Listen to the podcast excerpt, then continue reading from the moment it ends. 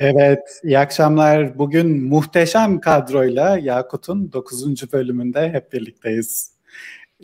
Bugünkü bölümümüzde Ender, Yaşar, Tayfun ve uzun süreden sonra aramıza katılan Muhammed ve tekrar bizimle birlikte olan Serdar da var. Bravo, ee, bravo. Merhabalar. Hoş Nasılsınız? Herkes iyidir umarım. Vallahi İyi, iyiyiz. Bomba gibiyiz. Sizleri gördük daha iyi olduk. Ne güzel kap kalabalık. Süper. Ee, bugün ilginç konularımız da var. Ee, nasıl şey yapalım? Konulara girmeden önce e, söylemek istediğiniz bir şey var mı? Herhangi bir şeyden bahsedelim. Sonra konulara mı girelim? Nasıl devam edelim? Bilmem bir şey. İyi, sen nasılsın? Bir sana soralım. Ha ben iyiyim iyiyim ya. Haft, yoğun bir hafta oldu. Bir önceki hafta tatil almıştım. Ee, onun için bu hafta böyle toplantılar falan biraz yoğun oldu. Ee, onun dışında iyiyim ama. Her şey yolunda yani. Bu arada Muhammed de sözünü tuttu ve aramıza e, çat diye geldi. Hatta sistemi yatı saat 5.30'da falan girmiş. evet abi öncesinde size sürprizler hazırladım da belki e, yayındayken yani sağdan soldan işte böyle mavi midenin logoları falan çıkabilir. Hazırlıklı olalım. e, çıksın çıksın. Çıksın iyi olur. Eksik. Ben de son dakika geldim ya habersiz. Evet ama Muhammed hep böyle şey komentlerden taciz ediyordu. Böyle tek yönlü konuşma oluyordu. Hep koment atıyor. Bir şey söylüyoruz yayında. Üstüne bir koment daha atıyor. Böyle asenkron bir konuşma oluyordu. Onun için dedik ki gel katıl bari burada konuş. O şeyde Yap. falan çok oluyor. Siz mesela Zoom toplantılarında ya da işte bu online toplantılarda konuşuyorsunuz. Biri durmadan chatten yazıyor. Ara ara böyle yap. Muhammed de öyleydi. Abi, abi ama çok güzel. Çok söyle niye yoruyorsun kendini? ama çok güzel bir duygu abi böyle sağdan böyle şey trollüyor gibi böyle giriyorsun içeriye doğru böyle. Gipisi fazla. Bayağı trollüyordun. evet. Ama burada şimdi olunca trollemesi zevkli olmaz abi ya. Tamam, ben tamam. bir şey o, teklif ediyorum. İstediğin gibi gir aradan şey değil. Ben bir şey teklif ediyorum. Bunu daha önce size paylaşmadım. Ben yine yorum atsam. Şimdi aklıma geldi. He? Bu arada şey böldüm abi pardon. Ben yine abi yorumlara da, da takip edin yorumlardan yazabilirim. Burada. tamam tabii tabii. Bakmayın. Buyur yorumlardan yürüyebilirsin yine. Evet tabii. YouTube'un sesini kız. Yaz abi. şey desen abi arkadan ya arkadaşlar televizyon sesini kısalım yankı yapıyor. Ha, ama şaşırma gecikmeli oluyor yayın. Onun için şey zamanlaman şaşabilir yani. Dikkat et. tamam.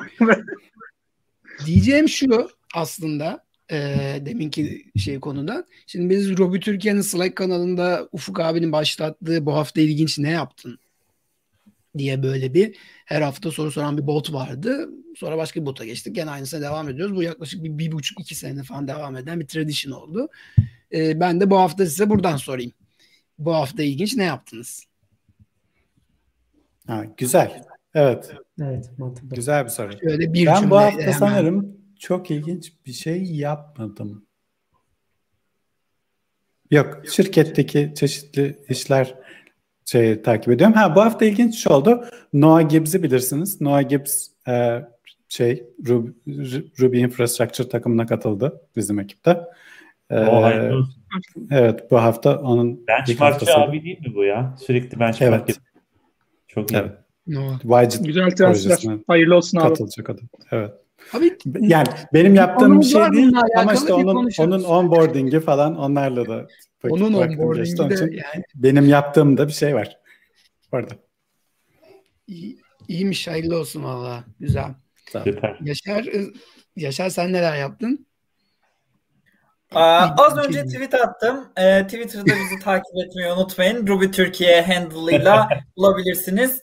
Ee, ben ya ben bir tane ilginç bir şey yaptım ne yazık ki. Ee, Data Engineering Master Class'a katılmıştım.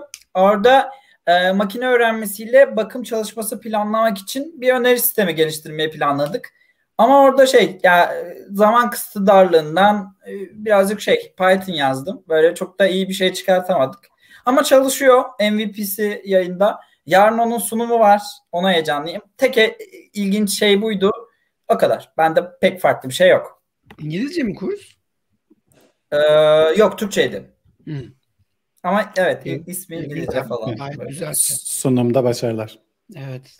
Teşekkürler. Artık bak şimdi hemen şey taşın suyunu çıkarıyoruz ya. Ruby Türkiye'de de anlatırsın falan. yok yok Yaşar'ın Ruby Türkiye'de anlatacak başka konuları var. Onlara çalışıyoruz. Evet onları hazırlanıyor inşallah. Yaşar. Ha, evet, Başar gibi mi abi? Aa evet. evet. Serdar senden ne haber? Bende çok bir şey yok ya. Dediğim gibi son bir buçuk aydır falan yine bir ufak bir sabbatical digital oruç yapıyorum gibi. Çok böyle ortalıklarda yokum. Kod da yazmıyorum açıkçası. Biraz kristal yazıyorum. Ufak bir projem var. Onu Kemal'le yazıyorum. Ee, web ağırlıklı bir proje. Arada da şeyi yapıyorum işte eksikleri gedikleri tamamlıyorum. Gayda bir şeyler koyuyorum. Falan falan çok bir şey yapmıyorum açıkçası. Şimdi dedim bir değişiklik olsun geldim yanına katıldım. Sizi gördüm daha iyi oldum valla. Hoş geldin abi sen işin babalarındansın yani. Bu Estağfurullah. Sen ha sen... değişik bizde ne oldu? Değişik şey var işte Mats'ı Kristal Konf'a getiriyoruz. Hani hmm. daha değişik ne olsun? Evet ben de ne zaman yani, söyleyeceksin diye bekliyordum. Aynen. Konuşalım ee, biraz Mats, istiyorsan. Mats Kristal nasıl oldu ya? Ya aslında Mats 2016'dan beri Kristal'i destekliyor. Yani şöyle ki bizim Kristal'in e, Bounty Source üzerinden e, bağış toplayan bir sayfası var. Bounty Source'da open source projelerin e, yardım aldığı bir platform. Mats orada ta ilk zamandan yani 500 dolar mı 5000 dolar mı direkt kristale bağış yaptı. Yani yüksek bir miktar. Ondan sonra da aylık belli bir miktar bağışa devam etti. Sonra bırakmış olabilir bilmiyorum da yani o ilk günden beri zaten şeyi destekliyor. Kristali destekliyor. Hatta e, arada ufak yazışmalar falan da oldu. E, ben vardım, Ari vardı falan Twitter'dan Mats'ta yazışmıştık falan. Hani o şey demişti Kristal'i be beğeniyorum falan diye. O şekilde yani. E, Valla ben de bekliyorum Kristal Conf'ta ne olacak. Güzel konuşmacılar var. İşte Ari var dili yazan. Yine e, kullanıcılardan yani Nikola bu hidrojen tır yapan adamlar var. Onun CTO'su gelecek. E, sonrasında zaten Mats var. Yine e, bu Rabbit MQ'yu yapan adamlar var. Onlar da Kristal'e bayağı yatırım yapıyor. Oradan bir e, arkadaş gelecek yine konuşmacı olarak. Falan bayağı bir de sağlam bir kadro olacak. Hala şeyler açıktı galiba. Call for Papers'lar açık. Hmm. Ben şey, başvurmadım ama bakalım bekliyorum bu sefer ne olacak. Şey ücretsiz mi? Nasıl? Ücretsiz değil ya ücretli. Ee, 100 dolar mıydı 90 dolar mıydı? Early Bird 90 dolardı galiba. Ee, online Online. Sonra da 110 dolar olacak gibi gözüküyor. Ya ben ücretsiz olsun isterdim de orada da işte biraz şey e, core team'e biraz e, şey çıksın e, kaynak çıksın bölümündeler. Yani bir de şey geçen hafta ilk katıldığım Yakut'ta söylemiştim. Core Team'e iki tane full time member geldi. Onların fundingini yapmak için işte olabildiğince kaynak yaratmaya çalışıyorlar falan yani. Bilet satışı da ona destek olacaktır. Yani onu güzel anlatırlarsa bence sitede 100 dolar bir şey değil yani. Hani. Ya oradan şimdi Mats, Mats şey yaparsa ben Kristal Conf'a katılıyorum derse oradan baya bir şey gelir herhalde. E, bilet satışı falan gelir yani diye düşünüyorum. Serdar bak biz burada diyoruz. Banner çıktık o kadar artık. Herkes duysun. Aynen. Şimdi yalancı duruma düşürmeyin bizi burada değil mi? Evet. Okey. Tayfun. Evet. Merhaba tekrar. Ben arkadaşlar e, şirket yönetim işleri dışında yazılım hevesimi de e, canlı tutmak için Rails'la uğraşıyorum düzenli olarak. Zamanımın çoğu Hotwire'la geçiyor, Turbo ile geçiyor. Farklı bir şey yok yani ekstra ne var derseniz rutin şu anda gidişat benim açımdan. E, arkanda gitar görüyoruz. Gitara falan şeyin yok mu? Ya Vakit o, ayıramıyor musun? Onu ayırıyorum. Ee, biraz böyle işte müzik olaylarına girdim yani evde müzik yapmaya çalışıyorum kendim. Ee, kayıt falan yapıyorum. İşte Ama ne onu, güzel, ilginç e, bir şey. İlginç bir şey tabii. Yani birçok kişi için ilginç olabilir doğru.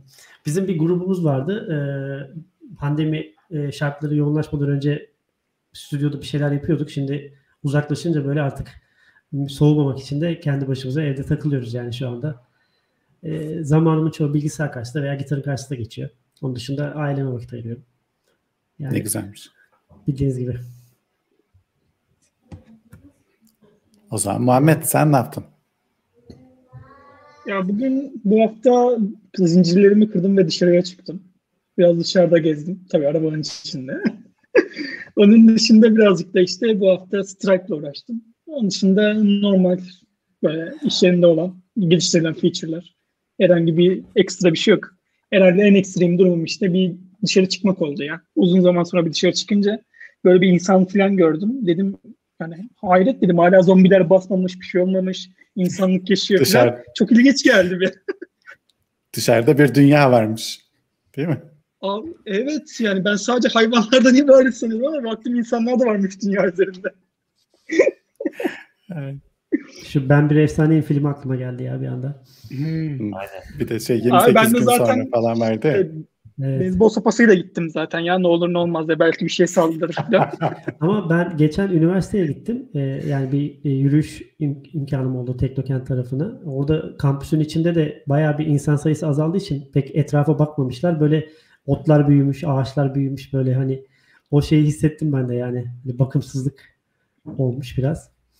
Ee, o, sanki o filmdeki gibiydi yani biraz etraf. Ya Tayfun Bu programı arada... şimdi bak yasaklattırma. Üniversite yürüyüş falan diyorsun. İyi yere gitmiyor. üniversite dedin, yürüyüş falan dedin. Şimdi ha, programı yasaklayacaklar bak. Şey girdik abi, blacklist'e girdik şu anda. Yani açık havada yürüyüş, hava almak adına. Ha, ha, öyle tamam peki. Yani İyi oldu. sağlıklı tamam. için. Anladım. Evet o zaman istiyorsanız geçelim mi konulara? Geçelim abi. Geçelim. Tamam. Ee, ya bir şimdi... şey Ender abiye sormadık ya. Bu hafta ilginç ne yaptı diye. Soruyu sordu kendisi aradan Aa, sıyrıldı. Doğru vallahi bak. kendisi. Yakalandın abi. Gelmesin dedim size. orada orada Yok benim hatam oldu. Doğru valla. Niye sen de ses çıkarmıyorsun Ender?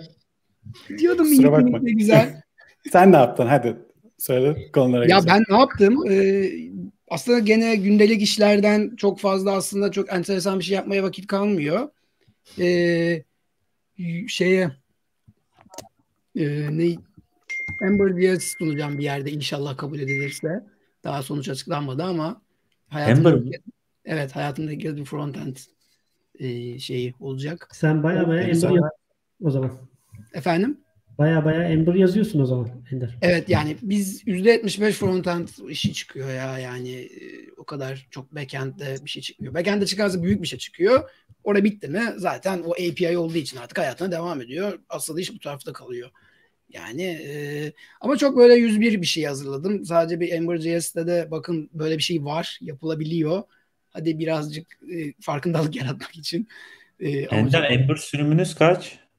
Bizim 3 2 galiba yani 3 küsür. Yani Atlas'ta e, paraşütle öyle bir şey galiba ama en son Octave'da değiliz yani hani. Ama ben onu anlatacağım muhtemelen. En son anlatacağım. Valla ben de bugün bir single page application bir şey yapacak olsam Ember kullanırdım yani. Ben beğeniyorum. Güzel Neyse yani. şimdi burada Ember övmeyelim. Benim için yani biraz daha günler öyle geçiyor. Ee, bir de bu Seyfettin'in yazısını okuduktan sonra son 3 gündür bayağı bir şeye sosyal medyaya çok uzak duruyorum. Günde böyle 5 dakika Twitter bakıp direkt ondan sonra kapatıyorum. Aynı ben.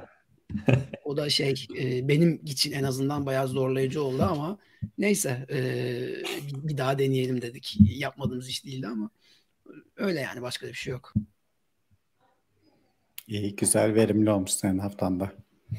O zaman ben direkt ilk konudan başlıyorum. RailsConf 2021 videoları sonunda YouTube'a düştü.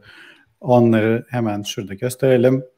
Ee, Ruby Central'ın YouTube kanalına giderseniz tam güzel organize edememişler. Aslında böyle bir playlist var ama playlistte bütün videolar yok. Ee, onu evet. anlamadım tam şey olarak. Dağınık galiba değil mi? Ee, biraz daha dağınık olmuş. Ee, sanırım vakitleri yetmedi. Ama videos şey tabinin altında 2021 videolarını bulabilirsiniz.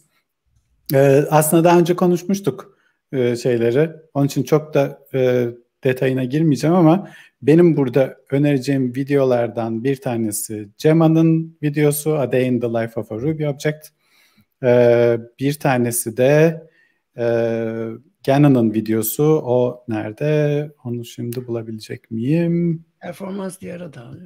Performans diye ararsam bulurum. Neyse.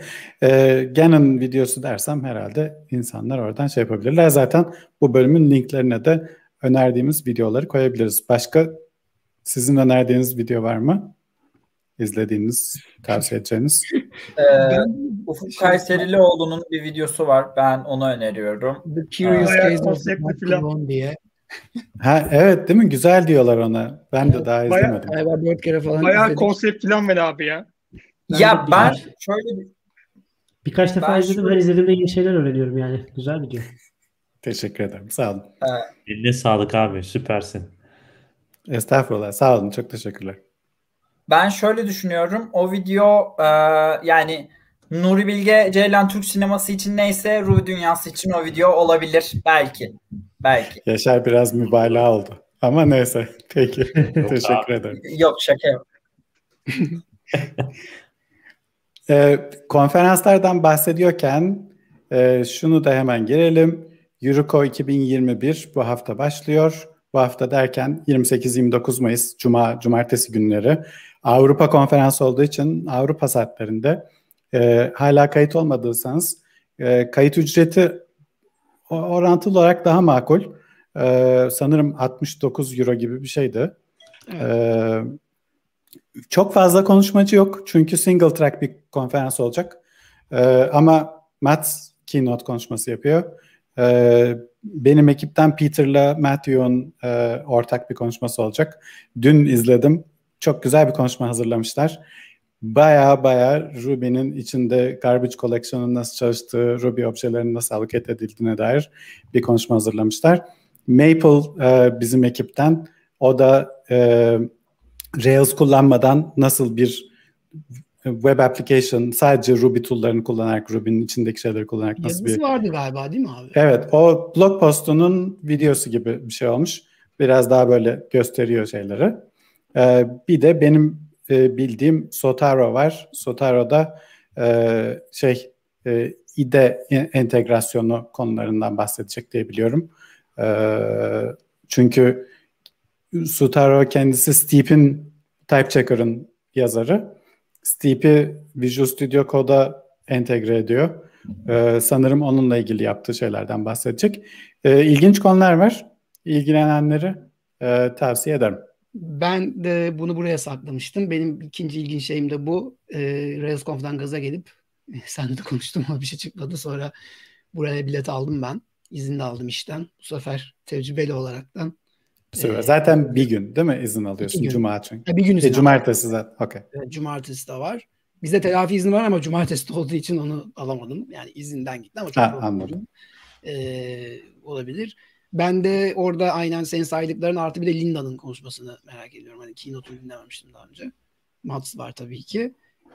Güzel yani işte kristal konferansına da belki alabilirim. Yani. Parayı zaten evde olduğumuz için bir yer harcayamıyoruz bari dedik. Ya aslında şöyle bir güzellik vardı Kristal konferansında. Daha önce Kristal herhangi bir kod yollayan contributor'lara otomatik %50 mi %75 mi indirim gitti. %25 de olabilir ama cüzi bir miktar indirim gitti yani hani Bana Hmm, gelmedi. belki abi. önceden bir PR'ın falan varsa Yok. Kristal'de yok değil mi? Yoktu ya. Kim? Ben hatırlamıyorum. Yok diye biliyorum. Be- benim var abi de bana gelmedi ama. Şikayet edeceğim bu durumu. Demek Aa, neyi, şey neyi düzeltmişsin. sorabiliriz ya. Sıkıntı yok.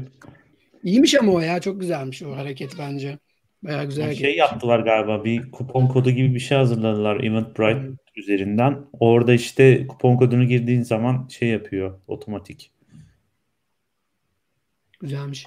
Bu arada Bu arada şey bu- Peter'la Evet. sen söyle abi. Lütfen.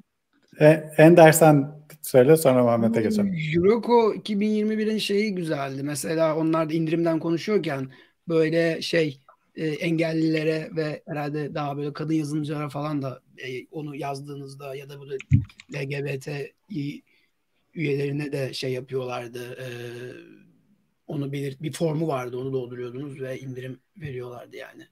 Öyle Hı bir hı. güzel bir hareket de yapmışlardı.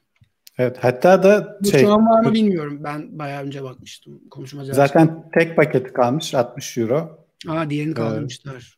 Diğerini kaldırmışlar. E, çünkü onun zaten o şeyin e, gene bir katılım paketi falan gönderiyorlardı diğer şeyde daha pahalı bir şeyle. Ama onu gönderip zamanında gelme ihtimali kalmadığı için artık zaten herhalde onu kaldırdılar. Yani 60 liraya katılmayı düşünebilirsiniz diye buradan paylaşalım. Okay, Muhammed bir şey diyordu galiba. Ha Muhammed Ya bir şey, şey diyecektim ben. Bu Shopify'in Engineering Twitter kanalından paylaşmışlar Peter Zu'yla Matthew'in videosunu da bayağı güzel olmuştu ya. O aklıma gelmişti de onu söyleyecektim. ben de ilk orada gördüm diye. Evet. Bu- Bu arada onunla ilgili komik bir şey söyleyeyim. O böyle videoyu yapmak için Peter oturmuş geçen hafta işte ya biliyorsun işte gör- görenler görmüştür 15 saniyelik falan bir tane böyle trailer gibi bir şey. İki gün harcamış onu güzel yapayım diye. İki gününü ona Ama harcamış. böyle şey abi ya. Şey, Çok çok efekt tatlı yapmayı olmuş. öğrenmiş şey yapmış falan tabii sonuç çok güzel olmuş o belli oluyor tabii. Peter'dan da bu hafta bir haber var galiba. Yeni blog postu çıktı. Bu hafta mı? Geçen hafta mı çıktı onun? Evet o serinin devamı şeyleri çıkıyor. Ama ben şimdi sürekli sürekli onu paylaşalım da istemiyorum. Onun için listeye koymadık. Peki. Ee, evet bir sonraki konumuza geçelim. Sonunda DHH sessizliğini bozdu. Ama DHH'in sessizliğini bozması daha çok benim anladığım kadarıyla şirketiyle ilgili konularda.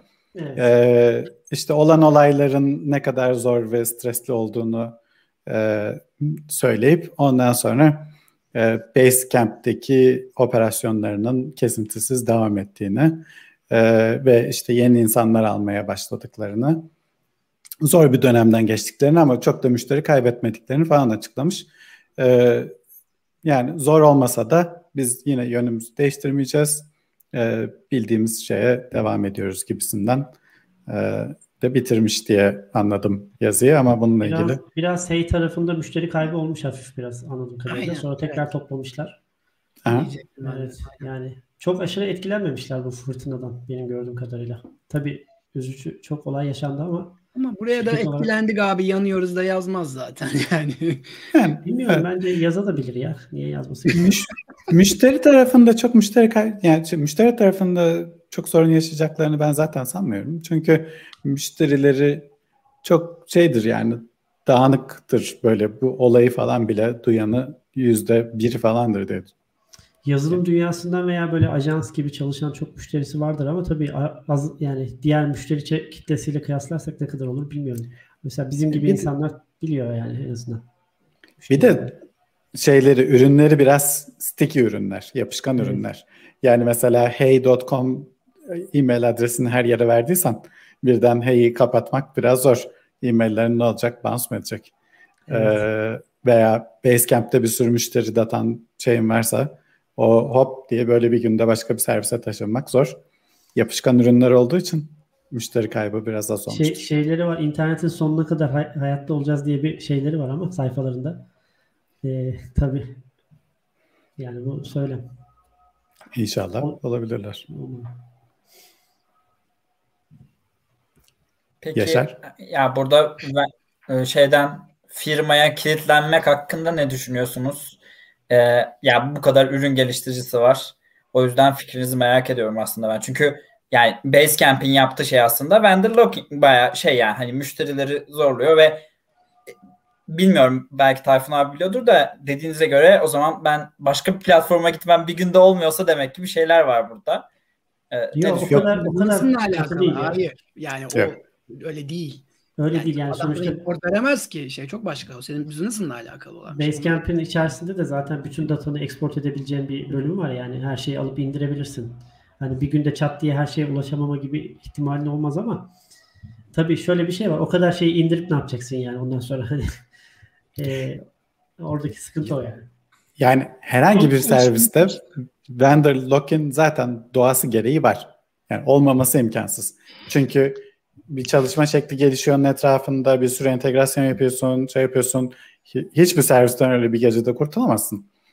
Ee, hele e-mail adresin falan bağlıysa yani hey.com domainiyle e-mail geliyorsa ben onun için açıkçası kendim hey.com falan gibi bir şey almıyorum. Yıllardır kendi domainimde host ediyorum ben kendi e-maillerimi ki istediğim yere taşıyabileyim. Yani gmail.com falan gibi e-mailler de kullanmıyorum. E-mailimi değiştirmek zorunda kalmadan istediğim yere taşıyabilirim mail sunucusunu. Ee, onun için hani o vendor lock-in'i açmanın şeyleri biraz o tip şeyler kullanmak. Ee, yoksa belli bir tool'a yeterince bilgi koyduysan e, yeterince çok insan aynı araç üzerinde çalışıyorsa onu böyle bir gecede hemen biz bunu taşıyoruz başka bir sisteme geçiriyoruz demek gerçekten zor. Bir gecede cahil kalırız ondan sonra. Bir de sosyal medya gibi değil mi? Mesela Google Plus'ı kapattı. Onu, onu bile kaç ay önceden söyledi kapatacağını. Yani hani önemli. Mail çok önemli. Öbürü direkt tica- adam ticaretini yapıyor. Yani o, o biraz da hani senin business'ınla alakalı. Hani ben gitmek istiyorum der dedikten sonra o DHH kolundan tutmuyor. Gidemezsin. Beni bırakamazsın. Başka alternatifin yoktur diye. Kapatma Açaydım kollarımı gitme diyeydim. Böyle bir hikaye var mı hiç? Duydunuz mu yani? Hani bir şey kapandı da millet böyle ayazda kaldı. Çok büyük bir şey ama yani. Atıyorum Amazon düşünsene S3'ü kapatıyor böyle falan. Ara sıra kapanıyor abi ya. Ya Amazon öyle değil. Hep servis vermemekten bahsediyorum. Ya Google Google Reader olduydu işte. Evet o da çok büyük efsane şey Evet. olmuş. Aynen. Ama o- Herkes o çok kolay bir şekilde onu e, SPOL mi diyorlar? O SOP, SOP'un ne öyle bir şey vardı ya onun. Onu export edip import edebiliyoruz. Yani bu, bu yani her firma için geçerli olan bir şey. Google'da olsa, Facebook'ta olsa, e, Basecamp'ta olsa hepsi için kapanma servise ulaşamama riski var yani. Ya büyükler biraz daha agresif bu konuda yani. Bir anda çat diye kesip kapatabiliyorlar. Buyur Ufuk. Öyle bir pardon aklıma geldi öyle bir tane servis var. Ee, adını hatırlamıyorum. Ee, Reply All diye bir tane podcast var. Onun bir tane bölümünde konuşmuşlardı hatta. Bir tane fotoğraf servisi hem de. Millet fotoğraflarını yüklemiş şey yapmış. İşte bütün çocuklarının böyle doğduğu andan itibaren bütün fotoğraflarını oraya koymuşlar. Nasıl olsa güvende falan diye. Servis böyle bir gecede işte kötü durumda olduğu için ekonomik şeyden falan kapanmış. Böyle insanlar fotoğraflarına ulaşamaz olmuşlar falan. Çok feci bir durum olmuş. Sonra tekrar açamamışlar. Bir şey- Böyle karışık karışık bir şeyler olmuş ama bayağı katastrofik yani. Oluyor. Aslında aslında bugünün şartlarında bulutta olmayan bir şey yok artık. Yani her zaman her şey buluta gidiyor. Bütün bütün MySpace şeyler- ne oldu? MySpace evet çok eski. Aslında çok müzik şeyciler için, indie müzik yapanlar için bir platformdu mesela. Bayağı. Bildiğin sosyal ağda abi ya. Indie Benim müziklerin sosyal ağı gibi bir şeydi yani.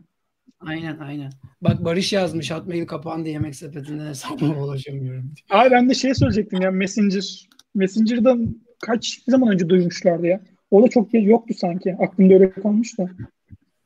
Messenger deyince hangi Messenger? MSN Messenger'dan bahsediyorsun. Abi Abi be, be- be- benim için MSN yani. Diğerini ben kullanmadığım için. Facebook'unki de Messenger. Herkes Messenger diyor zaten. Ya Winamp- yarın ben de Messenger'ı Winamp'ta çalan şarkıyı göstertiriyor muydun? Winamp'ta çalan şarkıyı isminin kenarında göstertiriyor muydun sen? Tabii ki abi. Messenger Plus grup abi sürekli titreşim gönderiyorduk. Aynen. Titreşim de yani. mesela o, bu, o tool hiçbir yerde yok şu an ve bence çok güzel bir tool. Ben Slack'ta olmasını çok istiyorum. Bazen birine bir şey diyeceğim cevap yazmıyor. Abi, Çok Ekran sinir bu bozucu. şey Çok sinir bozucu. ben hala Geçen çözemiyorum yani. yaptın? O kadar başarılı bir şey neden kapatıldı diye hala çözemedim yani ben onun sebebini. Microsoft'un gelmiş geçmiş en iyi şeyiydi bence yani o. Ee, Yazık ettiler. benim tahminim şey e, nasıl para yapacaklarını keşfedemediler. Çünkü reklam falan koymaya başlamışlardı. Sanırım reklamdan da para şey yapamıyor. Yani o zamanlama sorunuydu sanırım. Onu sonradan işte Facebook'lar şunlar bunlar çözdü. Ee, Microsoft o şeyi çözemedi sanırım. Evet. Evet o zaman Ya Heh, ben tam geçmeden benim internetim 4G o yüzden gidip geldim. Ben Tamam. aslında yani konuya şöyle bir ekleme yapmak istiyorum. Ee, kesinlikle bir günde bir gecede olacak bir şey olmayabiliyor. Büyük firmalar için özellikle aylar önceden söylüyorlar biz bu servis kapatabiliyoruz diyorlar. Benim sadece öveceğim bir şey var. Ben Redmine satmaya geldim buraya. Redmine çok güzel değil mi? Ee, hem de Ruby ile yazmışlar hem de çok cillop gibi. Teşekkür ederim. Ee, bu kadar. Değil. Peki. Direkt bunu söylüyorum. Ee, Devam ediyorum. Redmine kullanan hatta Redmine'a özellik geliştiren birisi olarak da bugün Redmine kullanmam diyeyim. Ee, ama felsefesi güzel. Ona katılıyorum. Ee, ama 2-3 fırın ekmek yemesi lazım bir araç olarak bence. Ee, o, o kısmında şey yapamam. Redmine Ama- de kullandınız değil mi? Yani şirketinde Redmine de kullansan aynı sorunu şey yapacaksın. Bu Redmine'in yeni sürümü çıkmıyor veya işte güvenlik açığı var kapatmamız gerekiyor dersen yine bütün datayı taşıyacaksın bir yere. Yani orada çok bir şey değişmiyor. Ha, datayı taşıman daha kolay olur. Veri tabanı senin elinde falan. Onlar farklı da e, açıkçası şirketimin bilgisini Redmine'da ben bugün tutmam. Öyle diyeyim. Yani Redmine'ı özellikle Yaşar tercih etmenin sebebi işte açık kaynaklı olması ve kendi kontrolünde olması mı yoksa başka hani kullanış kullanılabilite olarak e, var mı ön plana çıkartmak istediğin şeyler? Yani sadece hani internetin sonuna kadar bir anda gece, bir gecede kapanması meselesi haricinde yani neden tavsiye ettin ekstradan? Soru bana geldi sanırım. Umarım Evet. sesim iyi geliyordur. Aslında ben e, Ufuk abi hiç duyamadım. Az sonra YouTube'dan açıp izleyeceğim onu. Ee, muhtemelen çok iyi argümanlar var. Ama-. Ya kesinlikle şey ya aslında bir gecede kapatıldık cahil kaldıktan değil. Ee, ben e, Basecamp'e göre daha yani kıyaslayabileceğim diğer tool'lara göre daha az karmaşık ve basit buluyorum. O yüzden seviyorum. Ve yaklaşık bir 5 yıldır falan e, hem Li- Linux Kullanıcıları Derneği'nde hem de çalıştığım bir iki firmada kullandık. Ya çok hoşuma gidiyor. Çok basit olması benim için yeterli. Yani çünkü şey yani roket bilimi değil kısmı ve ya istediğim gibi oturup aa bunun eklentisini yapalım diyebiliyorsun. Ya birisinden yardım alabiliyorsun. On-premise konusu zaten hep dertli. Yani kendi sunucunu işletmek apayrı bir dert. Ona hiç girmiyorum. O kesinlikle yani muhtemelen Ufuk abi ondan da söylemiş olabilir bir şeyler. Hani maintain etmek, işte güncellemelerin gelmesi vesaire vesaire. Bunlar hep sorun. Ama işte orada neye ihtiyacımız var konusu dert oluyor. Benim Redmine çok işimi görüyor. O yüzden seviyorum ben. Öyle öveyim dedim. Peki tamamdır. deyip yeni konuya geçiyorum o zaman. Evet.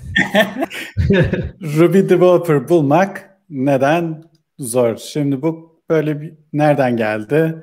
Ee, böyle Stack Overflow'un bir The Overflow diye podcast'ı var. Podcast'lerinin sanırım bu haftaki bölümünde veya pardon Mayıs 14 evet yakınlarda çıkan bölümünde Why is it so hard to find Ruby developers diye bir konuşma dönmüş. Ben açıkçası podcast'ı çok detaylı dinlemedim. Ender sanırım biraz daha fazla Evet. Bize o içeriğinden Ya- o Ender bahsedebilir. Zaten kısa bir podcast. Bu e, Bold Penguin diye bu insurance sektöründe çalışan bir firma var. E, büyük diyebiliriz orta ölçekli galiba. E, işte bunların CEO'su neden hani Ruby'yi seçtiklerinden bahsediyor. Ve şu an ne olduğundan bahsediyor. Ve hani bu e, developer, Ruby developer bulmanın neden zor olduğundan hani bin Ruby developer bulacağız gibi böyle bir geyik falan dönüyor. Hatta hani bin developer nasıl yani falan gibisinden. Biraz konuşuyorlar da aslında özünde yani ana tema bu gibi görünse de başka şeyler de konuşuyorlar. Ben bunu özellikle koydum. Yani bunun özelinde yani bu şey çok hoşuma gitti. Biz hep konuşuyoruz ya bu bizim derdimiz değilmiş. yani bunu görmek tamam bu beni mutsuz etti ama bu bizim problemimiz değilmiş. Aa, bu global problemmiş falan hep diyoruz ya Avrupa'da var Amerika'da var. E, yok işte hani gibisinden. Ee, burada şey birazcık topu ben aslında e, aramızda tek işletmesi olan Tayfun'a atmak istiyorum. Yani kendisi çünkü direkt işin içinde. E, masanın diğer tarafında en azından. O belki daha o taraftan bakabilir. Hani biz teknik olarak bakıyoruz çünkü bence de. Evet. E, bu CEO da zaten biraz aslında o taraflardan bakıyor. Biraz dinlerseniz e, ya da transkripti de var bu arada okuyabilirsiniz de. E, öyle diyeyim yani. Yani burada e, tabii global bir problem. Aslında Ruby developer bulmak sıkıntı değil de iyi programcı bulmak sıkıntı mı desek bence o işe. Hani dil özelinde olan bir konu değil. Ha Ruby'ciler azdır diye. abi. Benim en çok karşıma gelen Türkiye'de bu zaten hani Ruby Rails'la yazılım geliştiriyorsunuz. Evet. E, developer bulabilecek miyiz sizden sonra? Diyorlar mesela bize müşteriler veya müşteri adayları. Ben de şöyle diyorum. Hangi dille geliştirdiğinizde değil de diyorum. Hani biz yazılım size verdikten sonra siz kendiniz maintenance etmek isterseniz İK faaliyetlerinde ben de size yardımcı olacağım. Böyle düzgün aklı başında birkaç kişiyi bulun. Hangi dille neyi geliştirdiğin önemi yok. PHP olabilir, Java olabilir. Ben bir ayda iyi bir Ruby developer, Rails developer yaparım. Adam gerçekten iyiyse yani bizim sisteme adapte ederim bir ayda diyorum. O zaman biraz daha rahatlıyor. Yani işe alım politikasında da böyle. Yani mesela ben Ruby bilen, iyi Ruby bilen biri arayarak e, bir ekip oluşturma kafasında değilim yani. Zaten öyle bir beklentiye girersen hayal kırıklığına uğrayabiliyorsun. Yani aslında orada o da konuşuluyor ama buradaki evet. problem oradan yola çıkarak geliyor zaten. Hı-hı. Hani çünkü şöyle bir algı hepimizde var. Shopify ne yazıyor? Ruby yazıyor. Paraşüt ne yazıyor? Ruby yazıyor. Evet. O zaman Ruby bilmeliyim ben bu işe girerken diye düşünüyor insan yani doğal olarak. Bir artı olabilir hani işe alıp kriterlerinde bir artı olabilir ama benim için de çok, çok iyi bir developer var. Mesela adam kendisini mesela biz e, şeyde işe alım ödevlerinde e, hani kendini kodla göstermesini istiyoruz ya bana kodunu göster aşamasına geliyorsun bir süre sonra. Hangi hangi kodla kendini daha iyi ifade ediyorsan onu da göster diyoruz mesela. E, sonuçta orada yaptığı şeyin kalitesini anlayabiliyorsun e, yani bir şekilde. Ama tabii Ruby biliyorsa üzerine ekstra bir artı, artı oluyor. Ya buradaki problem şu. Hani e, yeni insanlar Ruby öğrenmiyor. Yani hani biz Ruby ile bir projeye başladık 10 yıl önce ama hani şu an geldiğimiz dünyada Ruby bilen birini bulamıyoruz. Hani main ya bunu Ruby bilen biri lazım bunları yapmak için. Senior birileri lazım. Hani bilen birileri lazım ama yok. Çünkü yeni insanlar öğrenmiyor. Problem Peki, bu diyor yani. Or, orada şöyle yapsanız Yeni insanlar e, çok özür dilerim abi. Yeni insanlar başka yerlere gidiyorlar. Çünkü o zaman öyle değildi. Şimdi böyle oldu anlamında konuşuyorlar. Zaten benim anlatmaya çalıştığım da bu. Ya yani hmm. burada işi hani X dedi Y dedi diye demiyorum. Bu aynı şey Delphi için de konuşabiliriz belki. Başka bir dil için de konuşabiliriz. Hani bu dil ölüyor mu gibi bir muhabbet var. Hani konuşulmadıkça ölecek çünkü doğal olarak hani kullanılmadıkça. Nasıl kullanılabilir gibisinden bir olay oluyor. İşte burada hep bir vice yani böyle bir karşılıklı şey var. İyi şirketler kullanacak ki o dil kullanabilsin. E, iyi şirketlere iyi developerlar gitsin ki o dil e, iyi bir şirket olabilsin. Böyle bir garip bir durum var. Bu Ruby için belki için içinde olduğumuz için biz böyle oluyor bilmiyorum ama çok böyle resmen bağırıyor ki globalde de bağırıyormuş. Aslında demeye çalıştığım bu benim. Hmm. Hani iyi developer'mış, X öğretirim, Y öğretirim değil. Yani abi böyle bir şey var, bu var yani. Hani yok değil aslında. Biraz hmm. bunu çok şey yapmamak gerekiyor. Yani öğretiriz tabii. Yani X, Y dili bilsin, onu da olur. O da değil yani ama hani bu dili bilen, sonradan öğrenmeye hevesli insan sayısı gitgide azalıyor. Niye bu oluyor? aslında biraz kurcalıyorlar. Evet haklısın. Evet. Ama şeyi söyleyebilirim. Yani bizim Shopify'daki işe alımlarımızda da hiç bakmıyoruz Ruby bilip bilmediğini. Yani on, hani ya, Ruby bilmesi artı falan şeyimiz de yok. Kimse evet. bakmıyor. Ben de biz de paraşütle bakmıyoruz. Evet. Bakarsak insan yok ortalıkta. Ama işte böyle olduğu zaman da dil gidiyor. Senin code base'in Ruby. Yani bir şeye zaman ayırıyorsun. İnsan yetiştirmeye, onu adapte etmeye, o kafayı çevirmeye. Çünkü bazı insan çok o dilin başka bir dilden geldiği için onun paradigmasına takılı kalıyor. Ve onu kıramıyorsun. Ee, özellikle çok yani juniorlarda belki bir takım seniorlarda bu olabiliyor. Ve bu o kadar da kolay bir şey değil. Tehlikeli de Aslında şey. Ender buradaki olayı ben şöyle gözlemledim. Kendi iş hayatımda da hani yaşla çok e, o alışkanlıklar yaşla çok ters orantılı mı diyeyim artık. Hani mesela çok uzun yıllar farklı bir dille bir iş yapmış ama çok senior birisini sen mesela Rails veya Ruby olarak şirketini aldığında veya çalışmak istediğin ya bence çok yani şey... ba- bazı zamanlarda alışkanlıkları değiştirmekte zorlanıyorlar. O alışkanlıklardan ötürü bir sıkıntı olabiliyor. Biraz genç arkadaşların bence burada daha avantajı var. Yani yeni genç olunca hani birçok şeyi denemek istedikleri için oradaki şey adaptasyon süreci hızlı olabiliyor benim gördüğüm kadarıyla. Ben bilakis aslında early kariyer diyelim ya daha güzel. Tamam hani neyse o şekilde diyelim olur. Ee, yani günün sonunda geçenlerde Twitter'da da görmüştüm. Yani bir paylaşım yapmıştı birisi. Bence şirketlerin stajyerlere ve yani tecrübesi yeni tecrübe edinen insanlara daha çok iş imkanı sunması lazım. Herkes tecrübeli adam arıyor. Bence bu doğru değil yani. Biraz da böyle tecrübesiz diyeyim veya bir şey yapma hevesi çok olan ama tecrübesiz arkadaşları daha çok işe almak gerekiyor bence. Onlara kendini gösterebileceği bir ortam sunmak gerekiyor. Yani hani Ruby developer niye bulamıyoruz konusu veya programcı niye bulamıyoruz konusu. Herkes süper rockstar arıyor bence. O yüzden bulamıyorlar yani. Böyle bir olaya evet, girmemek lazım. bu konuyu biz şeyde e, bu buna benzer bir konuyu çarşamba günü bayağı bir kendi aramızda 6-7 kişi vardı. Güzel bir evet. sohbet oldu o günde konuşmuştuk. Ben de kısa süre buraya taşımayalım bence. Çok evet. böyle bir güzel bayağı o gün gelenler bayağı şeyler duymuştu bizim ağzımızdan. Türkiye'de Ruby developer problemi yok ama ben öyle söyleyeyim size. Efendim? Konu, Türkiye'de Ruby developer problemi yok bence. Ya şurada bile 6 kişiyiz zaten gecenin bu saatinde. yani Ruby Ruby güzeldir arkadaşlar. Yaygınlaşsın, kullanılsın yani. Sıkıntı yok, yok bence. Ya bu biraz çete mi dönsek? Birkaç şey konuşulmuş biz geri, e, geriden geldiği için. Evet, Dersin. olur. Ee, Barış'ın Hotmail kapandı şeyini konusunu konuşmuştuk zaten. Hı-hı. Ali İhsan Burak e, ICQ'ya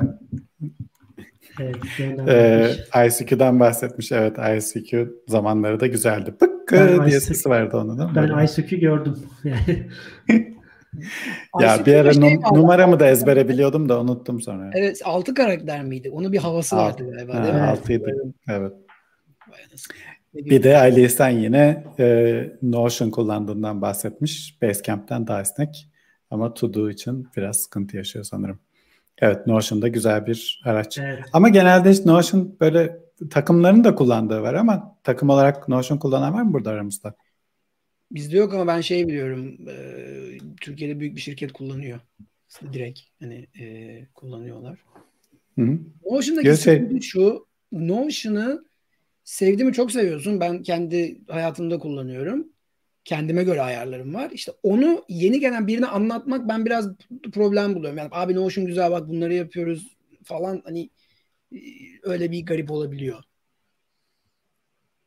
Evet. Ali İhsan demiş ki biz iki farklı ekipte kullanıyoruz. Ee, evet sonradan söyledikten sonra aklıma geldi. Putayo'da da Notion kullanıyorlar. Ee, şirket içi wiki kıvamında daha çok. Evet zaten genelde evet, öyle buluyorum Aynen. Hoş, böyle... Ben de be- beğeniyorum yani tarzı var Notion'da yani kendine bir tarzı var. Şimdi bir API ile alakalı bir şeyleri oldu onların çok takip etmedim ama galiba dışarıdan. Database olarak database gibi kullanabiliyorsun falan diye okumuştum ben de Twitter yani Notion şöyle klasik to uygulaması gibi hani çıkmayan böyle farklı bir tarzı olan kendine münasır bir uygulama. Ben onu seviyorum yani bir tarzı var hani diğerlerinden farklı hissettiriyor kendisini. Ya blog bile yazabiliyorsun direkt çünkü serve ediyor ve açabiliyorsun public oradan blog'un da oluyor falan böyle yani hani e, direkt ya mesela Basecamp tarafında ben şöyle söyleyeyim. Basecamp'i biz proje yönetim taraflarında da kullanıyoruz ya. Aslında Basecamp'i tek başına to aracı olarak gör, görmek yetmiyor. Yani oradaki ürün geliştirme metodolojisini de benimsersen daha anlamlı hale geliyor. Benim gördüğüm. Yani firma da zaten bu şekilde ürün pazarlıyor. Veya işte Agile kullanıyorsun. Mesela Agile yapıyorsun. Ne var? Jira var değil mi? En bilinen. Hani kullandığın araç ve yöntemlere göre şeyleri, e, programları veya servisleri tercih etmek lazım bence biraz da. Ali Hocam hey. Basecamp'i tek geçerim demiş. evet. Yine de. Aynı, aynı düşündür. Evet. Nightfish'in yorumuna bakalım mı? Aynen, Nightfish evet. aramıza katılmış. Ona, ee, evet. Konu dışı olacak sohbetinizi keyifle dinliyorum. Ee, BM üniversite adının önemi var mıdır yoksa her şey beceri mi? Bilgisayar ee, mühendisliği demek galiba. Ha bilgisayar mühendisliği evet tamam. Ben de nedir Peki. diye düşünüyordum. Ya bu konuda ben belki özel üniversite mezunu olan biri olarak konuşsam daha güzel olur. Ee, süper bilinen bir okulda değil. Okulumu seviyorum ama şey alakası çok fazla şey öğrendim. Ee, ben üniversite adına bakmıyorum ama genelde şuna bakıyorum. Yeni biri ise, sıfır biri ise e, Türkiye'deki iyi teknik üniversitelerden mezun olmuş olması biraz 1-0 öne geçiriyor. Nedeni e, yanılmadım bu zamana kadar. Bakış açıları daha böyle açık oluyor. Diğerleri kötü oluyor demedim ama daha böyle açık bir bakış açısıyla oluyor. Onun dışında e, çok da önemi yok. Yani adın adı değil ama oranın hakkını vermesiyle alakalı tabii. Adla değil sadece. Öyle söyleyeyim. Ben de hali hazırda bir üniversite öğrencisi olarak cevap vereyim. Ee, bence ya bir şey öğrenmek için bakılıyorsa ben de Ender abinin dediğine katılıyorum ama e, 18-20 yaşlarınızı değerlendirmek ve birazcık kafa açmak istiyorsanız yani iyi bir şehir seçmek daha önemli olabilir belki. İyi bir üniversite seçmek yani bölüm değil de bilgisayar mühendisi vesaire değil de çünkü şey yani oradaki arkadaş kitleniz sizi yani kafanızı açabiliyor ya da öğrenci toplulukları. Yani ODTÜ'ye gidip ODTÜ'ye girip matematik, fizik okuyup e, Computer Club'la çok iyi işler yapanlar var. O yüzden e, üniversite ya biraz şehir ve üniversite ben önemli olduğunu düşünüyorum. Ama şey hani okumasanız da o, çok arkadaşımız var. Belki Ufuk abi işte Tayfun yani herkes bir şeyler anlatır. Ama ben 18-20 yaşında birazcık şey böyle insan tanımanın çok güzel olduğunu düşünüyorum. Teşekkürler. Doğru söyledin. Ee, ben de Benim şey de diyecektim. Eko mu var? Bir dakika çok özür dilerim ya. Öyle bir Eko Yok. Eko yazıyorlar. ya. Yok yok. Zaten düzeldi diye sonra mesaj geldi. Ee, üniversite konusu biraz ilginç. Ee, benim diyeceğim şöyle bir şey var. Türkiye'de üniversite konusu e, biraz ayrıştırıcı oluyor. Çünkü Türkiye'de genel olarak eğitim seviyesi düşük. Ee, yani şimdi eğri oturup doğru konuşalım. Ee, Türkiye'de temel eğitim sonuçta yurt dışına kıyasla bizim Türkiye ile aynı seviyedeki ülkelere kıyasla işte PISA skorlarına falan baktığınız zaman e, bayağı gerilerdeyiz. Onun için temel eğitim seviyesi düşük olduğu için iyi bir üniversitenin e, sizi çok ilerletme imkanı var. E, onun için Türkiye'de daha farklı bir şey oluyor benim gördüğüm kadarıyla.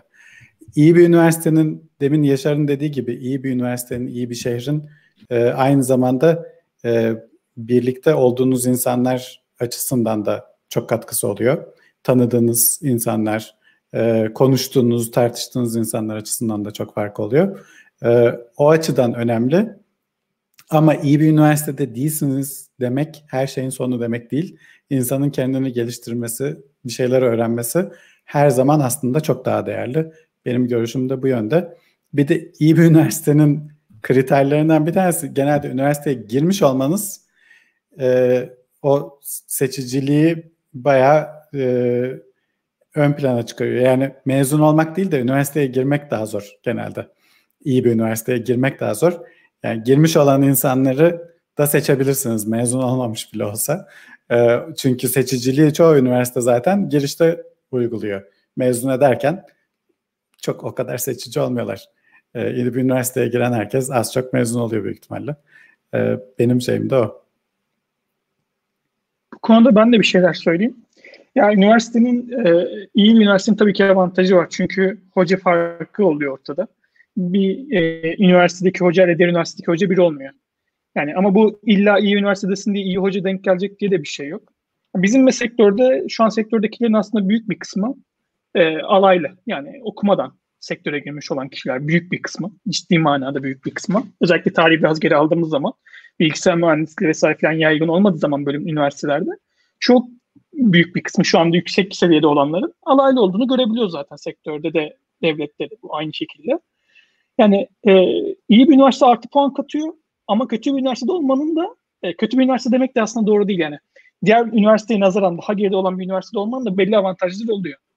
Mesela e, ben de şu anda hala üniversite okuyorum. Yaklaşık olarak iki, yaklaşık değil 2012'den beri ben üniversitemi okuyorum. Okulu bitiremedim bir türlü işe başladığım için. Yani mesela orada e, girişken olan insanlar için bence çok daha büyük bir avantaj oluyor. Kulübü alıyorsunuz. Kulüple birlikte bir şeyler yaparaktan kendinizi de ön plana çıkartıyorsunuz ve oradaki öğrencilere de bir şeyler katma şansınız oluyor. Ama büyük bir üniversitedeyken mesela o kadar fazla parlama şansınız olmuyor. Aslında yani e, orada bir, öyle bir avantaj söz konusu oluyor. Ben bunu şahsen yaşadım. E, yani bizde üniversite o kadar iyi değil. Ha, iyi bir üniversiteye gidersen arkadaş çevrenden dolayı da artılar olacak yaşarında Ufuk abinin de söylediği gibi. Ee, ama eğer işte atıyorum sen yarın işte atıyorum X üniversitesine gittin Türkiye'nin sonuncu üniversitesi. Kendin çalışaraktan bizim sektörde çok güzel yerlere gelebiliyorsun yani. İlla işte kötü bir üniversiteye girdin hiçbir şey olamayacaksın. Yok öyle bir şey. Üniversiteye girmedin hiçbir şey olamayacaksın. Yok öyle bir şey. Her türlü kendin çalışaraktan bir şeyleri başarabiliyorsun ve yani ben bu konuda yani beceri demeyi doğru bulmuyorum da e, çalışan her türlü bizim sektörde bir yere geliyor diye düşünüyorum ben. Yani anahtar kelime bizde çalışmak ve azim diye düşünüyorum. O zaman ben çalışmak konusundan konuyu şeye bağlayayım. Ee, öğrenciyken e, mümkün mertebe ne kadar erken iş hayatına atılırlarsa staj olur, part-time çalışma olur. Hani bir özel sektör tecrübesi veya farklı bir alanda gerçek projelerin içinde ne kadar erken bulunurlarsa mezun olduklarında o kadar donanımlı olurlar benim gördüğüm kadarıyla. Hani çalışmaya konuyu o şekilde bağlamış olayım ben de oradan. Muhammed'in ortasını. şey- Ben Ben, ben bir şey daha söylemek istiyorum. Tabii. Buyur Serdar abi sen. Ya orada abi aslında en kolay şey şu ya hani etrafındaki insanların ne kadar senden daha iyi olduğu aslında. Orada da en kolay yol abi benim hani gördüğüm tabii ki işe girmek bir staj bir yol da e, yani genelde staj bulmak falan sıkıntı oluyor. LinkedIn'de paso görüyorum öğrenciler arıyor da ya onun yerine en kolay yol şu olabilir abi online topluluklara katılmak ya da open source bir proje bulup bir şekilde oradan direkt olarak yürümek. Direkt gerçek proje de görüyorsun. İşte insanlarla iletişimi de görüyorsun. İşte developer flow'larını da görüyorsun. Git'i de görüyorsun, onu da görüyorsun. Yani gerçek dünyada ne oluyorsa direkt zaten görüyorsun. Yani şu an şey de çok kolaylaştı. İletişim de çok kolaylaştı. İşte Discord'dır, e, ne bileyim Slack'tir vesairedir. Şeyi çok kolaylaştırdı. Yani dünyanın herhangi bir, bir yerindeki herhangi bir insana direkt soruyu sorabiliyorsun. Yani şu an istesen mesela Mats'a bile bir şekilde ulaşıp Ruby ile alakalı bir soru sorabilirsin yani ya da herhangi bir dilin yazan adama bile ulaşabilirsin. Yani hani şey kalktı abi yani o eskiden topluluklar şeydi ya üniversite topluluğu vesaire falandı ya. Şimdi öyle bir şey yok abi yani her şey online'a taşındı zaten. Dünyanın her yerindeki her insana ulaşabiliyorsun. Orada benim şeyim hani e, yani e, etrafımda gördüklerime direkt şey yapıyorum mesela. İşte neye ilgin var? Git onun kanalını bul, komünitesini bul, gir. Onlar sana zaten bir şekilde hani yardımcı olacaktır. Ya mesela biz Ruby Türkiye'ye gelenlere e, işte eskiden ben aktiftim orada. Yardım ediyorduk. Şuraya git, buraya git, şuna sor, buna sor. Ya da şöyle yardımcı oluruz falan diyorduk da. Yani ben şey görüyorum abi artık yani eskisi gibi o üniversite topluluk falan tabii güzel şeyler ama çok da etkisi kalmadı diye düşünüyorum ya. Abi o konuda ben bir araya geleceğim. Şey benim sesim bir yerden yansısı yapıyor ama. Ha. Güzel. Şimdi abi e, öncelikli olarak ya bu konu üzerine çok fazla konuşabiliriz. İsterseniz 10 saat 15 saat de konuşurum. E, yani hiç sıkıntı değil. Bu arada Tayfun abi ilk önce bir ekleme yapıp ondan sonra Serdar abinin şeyine e, bir şey söylemem lazım. Ya üniversitedeyken e, ben 2012'de işte üniversiteye başladım. Hazırlık okudum bir yıl. 2015'te staja girdim. Orada çalışmaya başladım. Güzel bir tecrübeydi ama ben keşke şey diyorum şu an kendime. Keşke üniversite yıllarına geri dönsem de o zamanları öğrenci olarak geçirsem ama kenardan kendimi geliştirmeye devam etsem. Onu da ihmal etmemek lazım bence. Çünkü gerçekten insanın bence en güzel dönemlerinden bir tanesi, yaş dönemlerinden bir tanesi o. Ee, kendini geliştirmek gerekli evet ama o yılları yaşamak da önemli bence. Ben şahsen o yılları kaybettiğimi düşünüyorum. Bu benim kendi görüşüm. Bir diğer konu da abi üniversitedeyken insanların genellikle kaçırdıkları nokta yani daha doğrusu insanlar şunu bekliyor üniversiteye girerken. Diyorlar ki ben üniversiteye girdim mezun olunca iş beni bekliyor. Orada öğrencilerin o kafayı kırması için aslında topluluklar iyi oluyor. Yoksa evet ama insanların ilk önce işte atıyorum Ruby diye bir şeyden var olduğundan haberdar olması lazım ki masla iletişime geçsin. Bu durumlarda aslında topluluklar önemli. Yani oradaki lokal topluluklar ne kadar bilinçli olan insanlar tarafından e, handle edilirse, yönlendirilirse işte bu etkinlikler falan mesela sizler neden üniversitelere gidiyorsunuz? İnsanlara doğru şey, daha güncel şeyleri göstermek için. Çünkü gerçekten bizim ülkemizde akademiyle e, özel sektör arasında inanılmaz bir boşluk var. E, bu bir türlü kapanmıyor. Yani doğrusu son zamanlarda yine birazcık daha düzeldi ama yani oradaki öğrencileri kazanmak için o topluluklar bence çok önemli. E, yani diyeceğim bu kadar. Bu şekilde yani. Ee. Eyvallah. Ben ufak bir şey söyleyeyim. İstiyorsan Tabii sonra abi. devam edelim. Ender sen de diyecek bir şey var ama e, Serdar'ın dediğine çok katılıyorum. Fakat onun için ne yapıp ne edin çok iyi dil öğrenin diyorum. Çünkü dünya global ama dünya İngilizce etrafına dönüyor. Zaten bizi izleyenler de görüyorlardır. Paylaştığımız içeriklerin neredeyse hepsi İngilizce. Tek tek Türkçe içerik var. E, onun için çok önemli. Ne yapın ne edin e, yemeyin içmeyin. Çok iyi İngilizce öğrenin. O topluluklarla iletişim kurmanın yolu o çünkü. Mesela bu dil konusuna ben hiç girmek bile istemedim ama bana üniversitenin en büyük kattığı şey dil. Hani %100 İngilizce veren ve çok bu konuda sert olan bir okulda Erasmus öğrenciler de vardı. İkincisi topluluklar.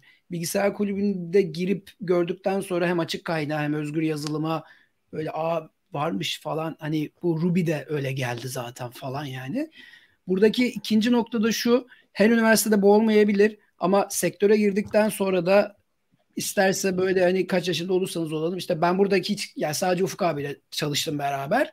Onunla çalışmamda gene Rails Girls'te mentor olmamdan kaynaklanıp işte network kurulup geldi. E, Rails Girls'te nereden geldi? Topluluklardan geldi. Yani gördüğünüz gibi işte buradaki çoğu insanı da ki, kişisel olarak ben hep topluluktan tanıdım bir şekilde. O yüzden hani bunun çok önle yani e, önemi var. Beraber olmanın, birlikte bir şeyler yapmanın. Bu daha erken yaşta olduğu zaman aslında daha şey oluyorsunuz. Açık görüşlü oluyor. Yani geç yaşta olunca açık görüşlü olunmuyor diye bir kaydı yok ama ister istemez insan bir çekiniyor bir yere yeni bir yeni bir insan olarak girdiği için. Genç olunca daha rahat oluyor bence. Bu daha rahat kırılabiliyor. O yüzden hani belki üniversitede, belki kariyerinin başında ama gene her zaman e, biz böyle kocaman bir topluluk ve kollarımızı açıyoruz zaten gelmek isteyene. Hiç kimseye şey yapmıyoruz ve e, hani işse işte bulunuyor bir şekilde çünkü hani network oluyor. Öğrenmekse öğrenme de oluyor. Soru sorabiliyorsunuz. Ana dilinizle konuşulan bir yer oluyor. Bir de o da var. Hadi İngilizceyi de geçtim mesela. Ama günün sonunda gerçekten Serdar'a çok katılıyorum. Ee, vallahi hani gerçekten çok enteresan insanlarla enteresan iletişimler kurulabiliyor yani artık günümüz dünyasında internetinde gelişmesiyle ve herkesin de belli platformlarda, ortak platformlarda olmasıyla. Bir de ben şeyi çok seviyorum açıkçası. Bilginin açık olması. Yani açık bir bilgi var ve bu tip insanlar da o onu savunuyorlar ve çok rahat Mats'a bir şey yazdığında ulaşabiliyorsun. Eğer düzgün bir dil kullanırsan gerçekten. O da e, net oluyor diyorum ve birazcık e, isterseniz son dakikalarda hani neler varmış? Şey e, buradan hani topluluklardan bahsetmek istiyordum da hani işte kulüp dedik kulüpçülük ondan sonra topluluklar dedik. E, bu şirketlerin de kendi içerisinde toplulukları oluyor mesela. Onları da görüyorum. Kulüpler kuruyorlar ediyorlar falan. Bunları değerli buluyorum ben. E, işte bu, bu yüzden de hani bizim böyle etkinlikler olsun şu olsun bu olsun akşam oturmalarına aslında böyle katılım daha az olursa yayınlamıyoruz çünkü yayınlayacak çok fazla bir şey yok ama hani böyle 10 dakika bir şey konuşuyoruz. Hani böyle oradan bir senelik tecrübe edinebiliyor insan aslına baktığınızda. Bu bile çok değerli oluyor bence. Yani bunu okulda çok alabilmek çok doğal değil. Bir de bir şey var aslında bu da biraz ciddileşeceğim. Üniversite iş ve işçi bulma kurumu değil. Bunu insanlar anlamıyor. Hangi üniversiteye giderseniz gidin bu dünyanın en iyi üniversitesi de olsun bence. Size iş vaat etmiyorlar. Türkiye'de öyle değil en azından. Boğaziçi Üniversitesi size X mesleğini yapacaksınız diye elinize bir şey vermiyor mezun olduğunuzda. O tamamen size kalıyor içeri girdiğinizde. Ee, benim diyeceklerim de bu konuyla bu kadar. O zaman zille hemen kalan son bir iki tane şeyi de gösterelim. Sonra programı kapatalım diyorum. Ee, Söyle Tayfun. Enteresan yorumlar geçiyor ama neyse konuyu tamam. kapatalım üzerinden geçeriz sonra. Çince olmuş. Hemen. Çince Japonca muhabbetleri var. Şimdi gördüm ben de. evet. Bir tane Ruby C API Guide var listemizde. Ee, bunun da linkini koyarız. Bayağı içerikli bir e, Ruby C API e, Guide oluşturmuşlar burada. E, nasıl program yazılır, e, çeşitli referans şeyleri, metotların, referansları falan kullanmanız gereken metotların içerikleri hepsi burada. Biraz CAPI'den çok bahsettik son programlarda. Zaten Peter de bize onun sunumunu yapmıştı. Onun için o konuyla ilgili kendini geliştirmek isteyenlere hemen buradan bunu önerebiliriz. Bu bir tanesiydi. Daha ilginci aslında e, artık Rails'da JIT ile daha hızlı. JIT yani Just in Time Compilation e, biliyorsunuzdur e, Ruby'ye 2.7'den beri gelen bir JIT var. MJIT diye geçiyor kendisi. E, Ruby çalışırken e, eğer MJIT'i açtıysanız Ruby çalışırken e, Ruby'de hangi metotların daha fazla kullanıldığını takip ediyor ve bu metotları arka tarafta GCC kullanarak compile ediyor, native koda çeviriyor ve daha sonra Ruby'nin bu aynı kodu C kodu olarak çalıştırmasını sağlıyor. e, ve hızlandırma sağlıyor bu şekilde. E, normal eğer çok hesap ağırlıklı bir Ruby kodunuz varsa çok iyi performans sağlıyor. Fakat Rails'da aslında tam tersine yavaşlama sağlıyordu uzun süredir. Kokub'un e, bunu da hızlandırdıklarını e, söylüyor ve çeşitli burada şeyler veriyor. İşte Ruby 3'te Sinatra benchmark'ı işte yaklaşık %11 daha hızlıymış. Rails'ın bir benchmark'ı e, 1.04 katı daha hızlı e, cevap veriyor. Rails Bench 1.03 katı, işte Discourse'da 1.03 katı gibi daha hızlı citle çalışıyor. Yavaş olmaktan daha hızlı olmaya geçmişler. Peki nasıl olmuş? Çünkü e, tek tek metotları takip edip compile etmek yerine bütün kodu compile etmeye başlamışlar. Orada da e, aslında biraz şeyden bahsediyor. Bizim Shopify'daki ekipte e, Maxim'in lead ettiği Widget projesi biraz buna ön ayak olmuş. Widget projesinde de benzer hızlanmalar görüyoruz bu arada. E, orada da ümit verici gelişmeler var. E, o ışıkla yola çıkarak bütün kodu compile ettiklerinde daha hızlı bir e, Rails performansı görmüşler. Birkaç tane de konu var. E, Zitework ile ilgili de bir konu var burada. Onunla ilgili de aslında Zitework'ü geliştirmek için de e, yine bizim ekipten e, çeşitli öneriler de oldu. Ruby'de bir özellik eklenirse tracepoint kullanmaktan kurtulabilecek Zitework. E, bu da bu konumuzdu. En son olarak Heroku'da debugging bir konusu var. Bunun üzerinde çok fazla durmayacağım. Heroku'da yaklaşık 10 dakika süren bir build süresi varmış ve çeşitli debugging şeyleri kullanarak 4 dakikaya indirmişler.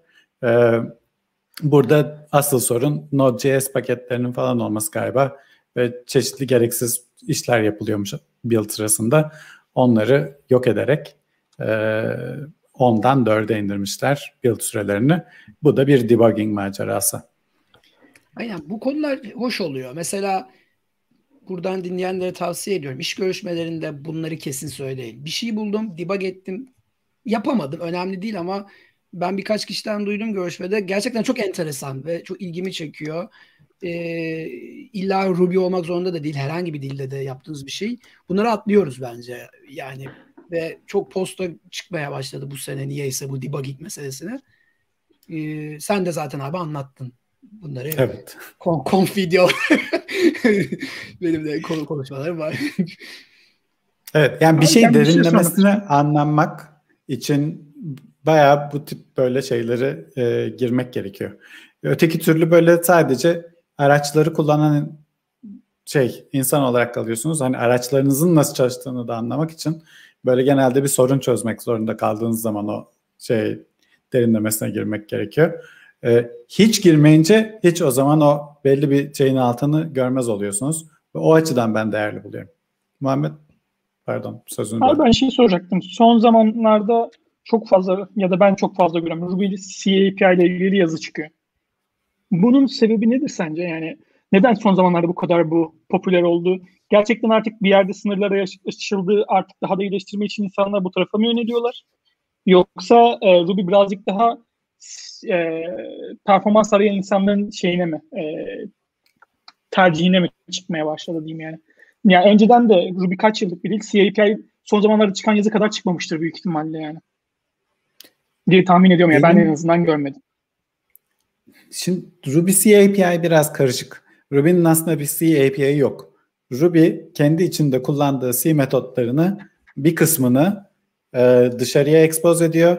Bunlar da C API oluyor. Onun için bugüne kadar böyle çok dokümente edilmiş nasıl kullanılacağını böyle bir yerden okuyabildiğiniz falan bir API olarak falan kurulmuş bir şey değil. Dokümantasyonu çok az. Böyle insanlar kafa göz yere yara ve yanlış yarım yamalak şeyler, C extensionlar falan geliştiriyorlar. Benim anladığım kadar yani Peter'ın yazmaya başlama sebeplerinden bir tanesi bir bizim C extension işte Liquid C üzerinde çalıştı şirkette ve o zaman daha iyi öğrendi ve ne kadar öğrenmenin zor olduğunu gördü. Ya ben bununla ilgili bir, bir şey yazayım dedi. Hani sanırım insanlar o zorluğu gördükçe kaynak üretmeye başlıyorlar. Benim gördüğüm en azından o. Abi, abi bir de şey var ya son birkaç senedir Ruby'de low level işler arttı yani bu yani siz şey yazıyorsunuz sorbe yazıyorsunuz orada birisi steep yazıyor falan bunların hepsi aslında C ile yapıldığı için şey arttı know-how arttı yani baktığınız zaman. İhtiyaç biraz galiba. Aynen ya şey oldu demand arttı yani arz talep meselesi. Dolayısıyla da daha fazla kaynak oldu yani. Eskiden bu kadar uğraşan yoktu. Ee, bu arada bu hafta önemli bir şey vardı ve onu atladık galiba listede. Yani Ne? önceki hafta değildi sanırım o. Şey adını unuttum şu an ama e, Speaker Deck. C'yi bütün platformlar için bir defa da e, Aa, şey- evet. Onu haftaya konuşalım Yaşar. Doğru haklısın. Süper. Cosmopolitan. Cosmopolitan. Cosmopolitan. Evet. Cosmopolitan'ın bir sıfır release çıktı. Onu ben ona daha çok bence vakit ayırmak gerekir. Onu haftaya konuşalım. Zaten 5 dakikada geçtik bir saatimizi. Ee, keyifli bir konuşma oldu. Ee, 6 kişi çok güzel bir e, şey bölüm oldu. Hepinize çok teşekkür ederiz. Var mı diyecek bir şeyleriniz? Biz de teşekkür ediyoruz. Çok güzel bir programdı. Teşekkürler. İyi geceler. Kendinize iyi Kendinize iyi bakın. bakın. Evet, bizi dinleyenlere de teşekkür ediyoruz. Haftaya görüşmek üzere. Görüşürüz. Güle. bay.